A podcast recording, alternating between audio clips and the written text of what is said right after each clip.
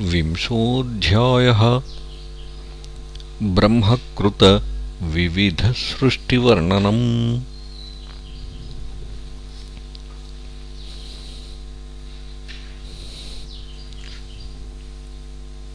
शौनक उवाच महीं प्रतिष्ठामध्यस्य सौते स्वायम्भुवो मनुः कान्यन्वतिष्ठद्वाराणि मार्गायावरजन्मनाम्। क्षत्ता महाभागवतः कृष्णस्यैकान्तिकः सुहृतु यस्तत्याजाग्रजम् कृष्णे सापत्यमघवानिति द्वैपायनादनवरो महित्वे तस्य देहजः सर्वात्मनाश्रितः कृष्णम् तत्परांश्चाप्यनुव्रतः किमन्वपृच्छन्मैत्रेयम् विरजास्तीर्थसेवया उपगम्यकुशावर्त आसीनम् तत्त्ववित्तमम्। तयोः संवदतोः सूत ह्यमलाः कथाः आपो गाङ्गायवाघग्निर्हरेः पादाम्बुजाश्रयाः ता नः कीर्तयभद्रं ते कीर्तन्योदारकर्मणः रसज्ञः को नु तृप्येत हरिलीलामृतम् पिबन्।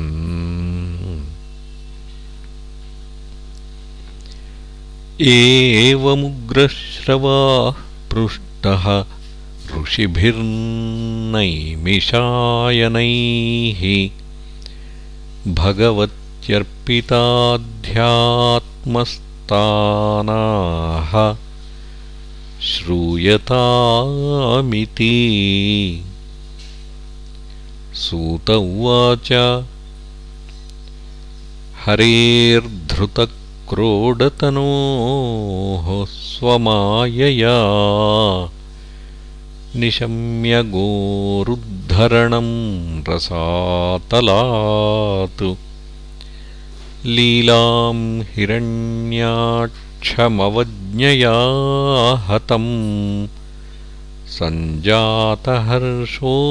मुनिमाह भारतः। विदुर उवाच प्रजापतिपतिः सृष्ट्वा प्रजासर्गे प्रजापतीन्। किमारभत मे ब्रह्मन् प्रब्रूह्यव्यक्तमार्गवित् ये मरीच्यादयो विप्राः यस्तु स्वायम्भुवो मनुः। ते वै ब्रह्मणादेशात् कथमेतदभावयन् सद्वितीयाः किमसृजन्? स्वतन्त्रा उत कर्मसु। संहताः सर्वे इदं स्म समकल्पयन्। मैत्रेय उवाच। दैवेन दुर्वितर्क्येण परेणानिमिषेण च जातक्षोभाद्भगवतो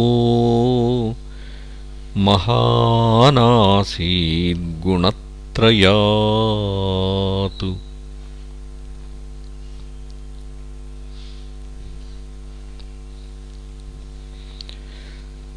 रजः प्रधानान्महतस्त्रिलिङ्गो दैवचोदितात्। जातः ससर्जभूतादिर्व्यदादीनि पञ्चशः। तानि चैकैकशः स्रष्टुमसमर्थानि भौतिकम् संहत्य दैवयोगेन हैममण्डमवासृजन्।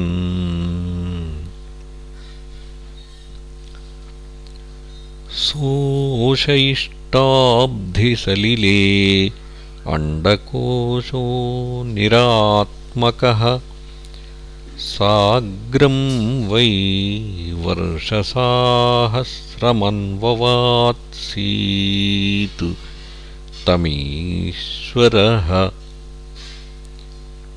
तस्य नाभेरभूत्पद्मं सहस्रार्कोरुदीधिति सर्वजीवनिकायौको यत्र स्वयमभूत्स्वराट्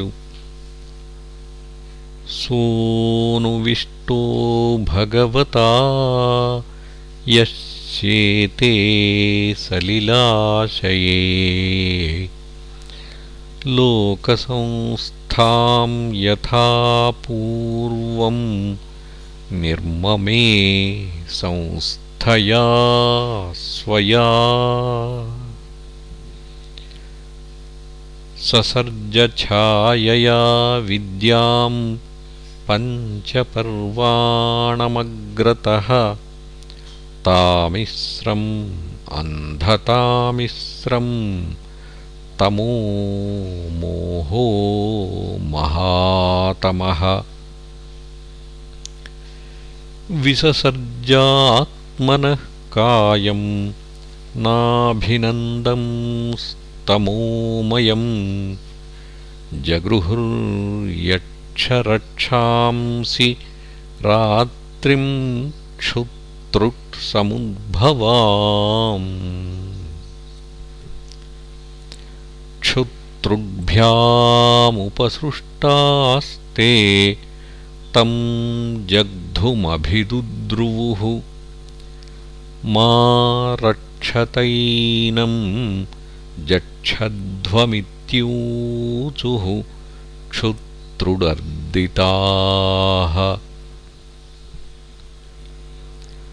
देवस्तानाः संविघ्नो मा जक्षत रक्षत अहो मे यक्षरक्षांसि प्रजायूयम्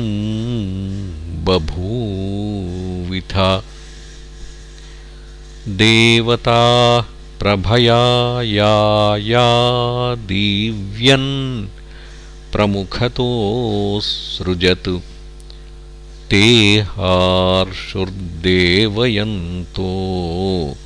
विसृष्टां तां प्रभामहः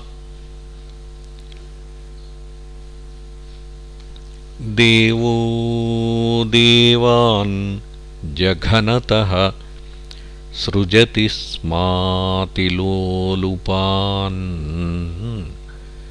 तयेनं लोलुपतया मैथुनायाभिपेदिरे।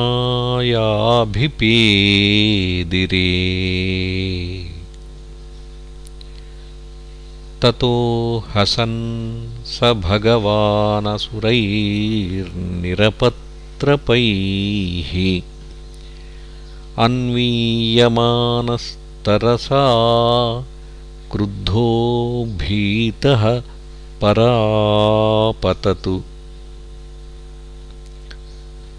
स उपव्रज्यवरदं प्रपन्नार्तिहरं हरिम्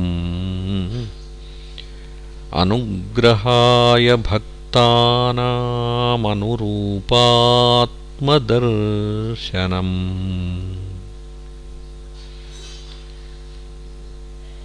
पाहि मां परमात्मंस्ते प्रेषणेनासृजं प्रजाः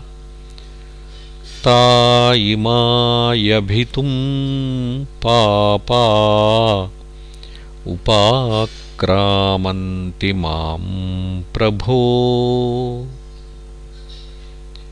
त्वमेकः किल लोकानां क्लिष्टानां क्लेशनाशनः। त्वमेकः क्लेशदस्ति तेषामनासन्नपदां तव सोऽवधार्यास्य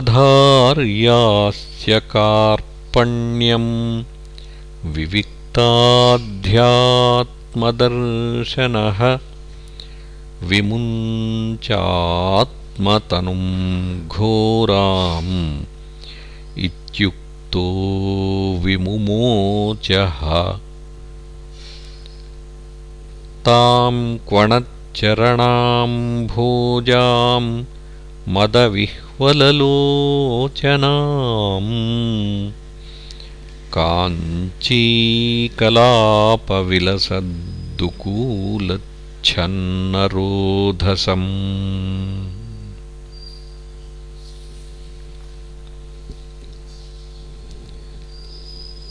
अन्योन्यश्लेषयोत्तुङ्गनिरन्तरपयोधराम् सुनासां सुद्विजां स्निग्धहासलीलावलोकनाम्।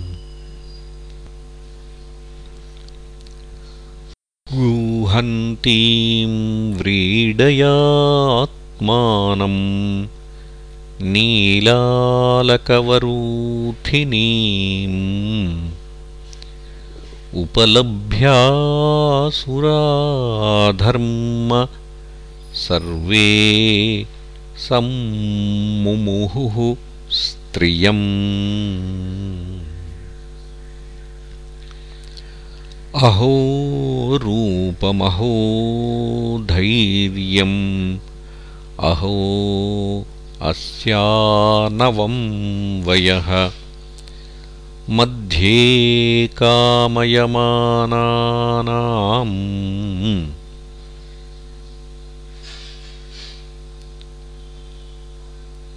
अकामेव विसर्पति।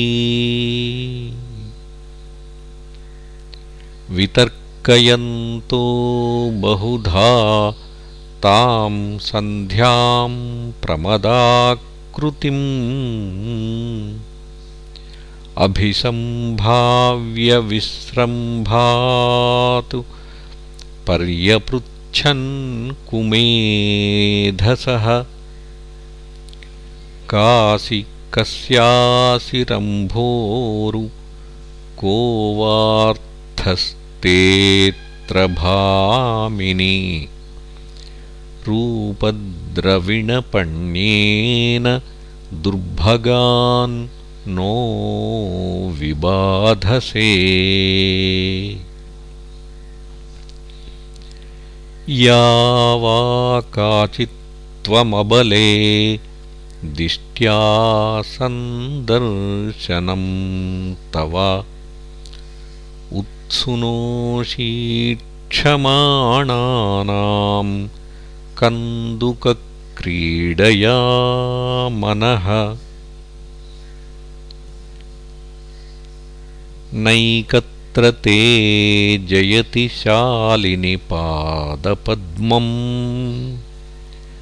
घ्नन्त्यामुहुः करतलेन पतत्पतङ्गम् मध्यं विषीदति बृहत्स्तनभारभीतम् शान्तेव दृष्टिरमला सुशिखासमूहः। इति सायन्तनीं सन्ध्यामसुराः प्रमदायतीम् प्रलोभयन्तीं जगृहुः मत्वा मूढधियः स्त्रियम्। प्रहस्य भावगम्भीरम् जिघ्रन्त्यात्मानमात्मना कान्त्या ससर्ज भगवान् गन्धर्वाप्सरसां गणान्। विससर्जतनुं तां वै ज्योत्स्नां कान्तिमतीं प्रियाम्। त एव चाददुः प्रीत्या विश्वावसुपुरोगमाः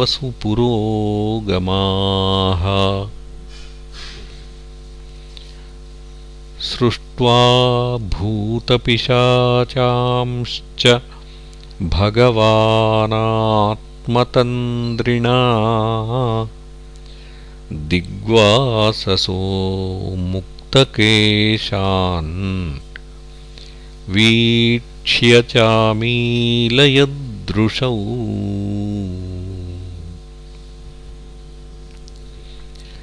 जगृहुस्तद्विसृष्टां तां जृम्भणाख्यां तनुं प्रभोः निद्रामिन्द्रियविक्लेदो यया भूतेषु दृश्यते।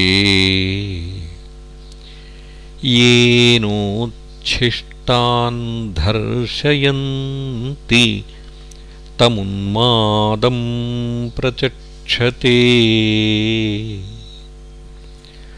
ऊर्जस्वन्तं मन्यमान आत्मानं भगवानजः। साध्यान् गणान् पितृगणान् परोक्षेणासृजत्प्रभुः त आत्मसर्गं तं कायं पितरः प्रतिपेदिरे। साध्येभ्यश्च पितृभ्यश्च कवयो यद्वितन्वते। सिद्धान् विद्याधरांश्चैव तिरोधानेन सोऽसृजत्। तेभ्यो ददात्तमात्मानम् अन्तर्धानात् ख्यमद्भुतम्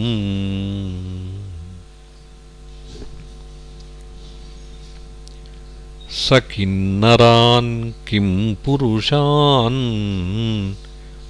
प्रत्यात्म्येनासृजत्प्रभुः मानयन्नात्मनात्मानम् आत्माभासं विलोकयन्।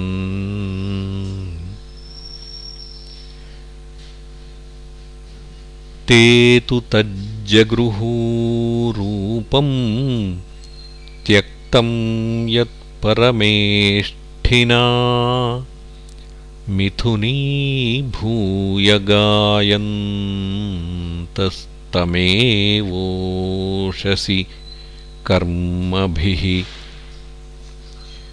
देहेन वै भोगवता शयानो बहुचिन्तया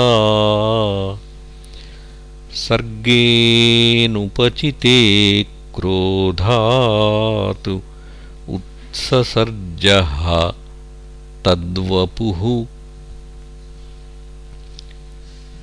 ये हीयन्तामुतः केशाः अहयस्तेऽङ्गजज्ञिरे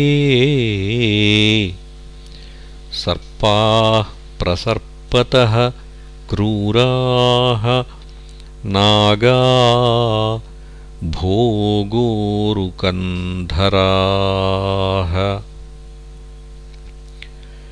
स आत्मानं मन्यमानः कृतकृत्यमिवात्मभूः। तदा मनून् ससर्जान्ते मनसा लोकभावनान्।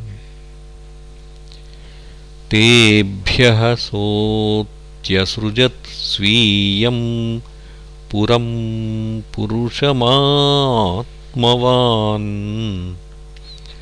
तान् दृष्ट्वा ये पुरा सृष्टाः प्रशशंसुः प्रजापतिम्। अहो एतज्जगत्स्रष्टः सुकृतं बतते कृतम् प्रतिष्ठिताः क्रिया यस्मिन् साकमन्नमदामहे।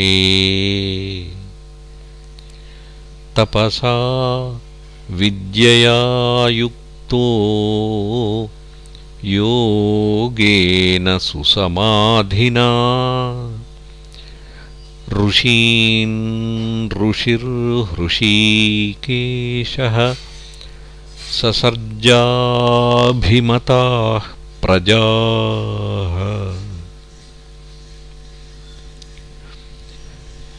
तेभ्यश्चैकैकशः स्वस्य देहस्यांशमदादजः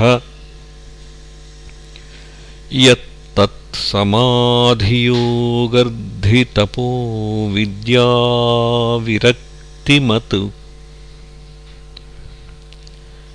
इति श्रीमद्भागवते महापुराणे पारमहंस्यां संहितायां तृतीयस्कन्धे विंशोऽध्यायः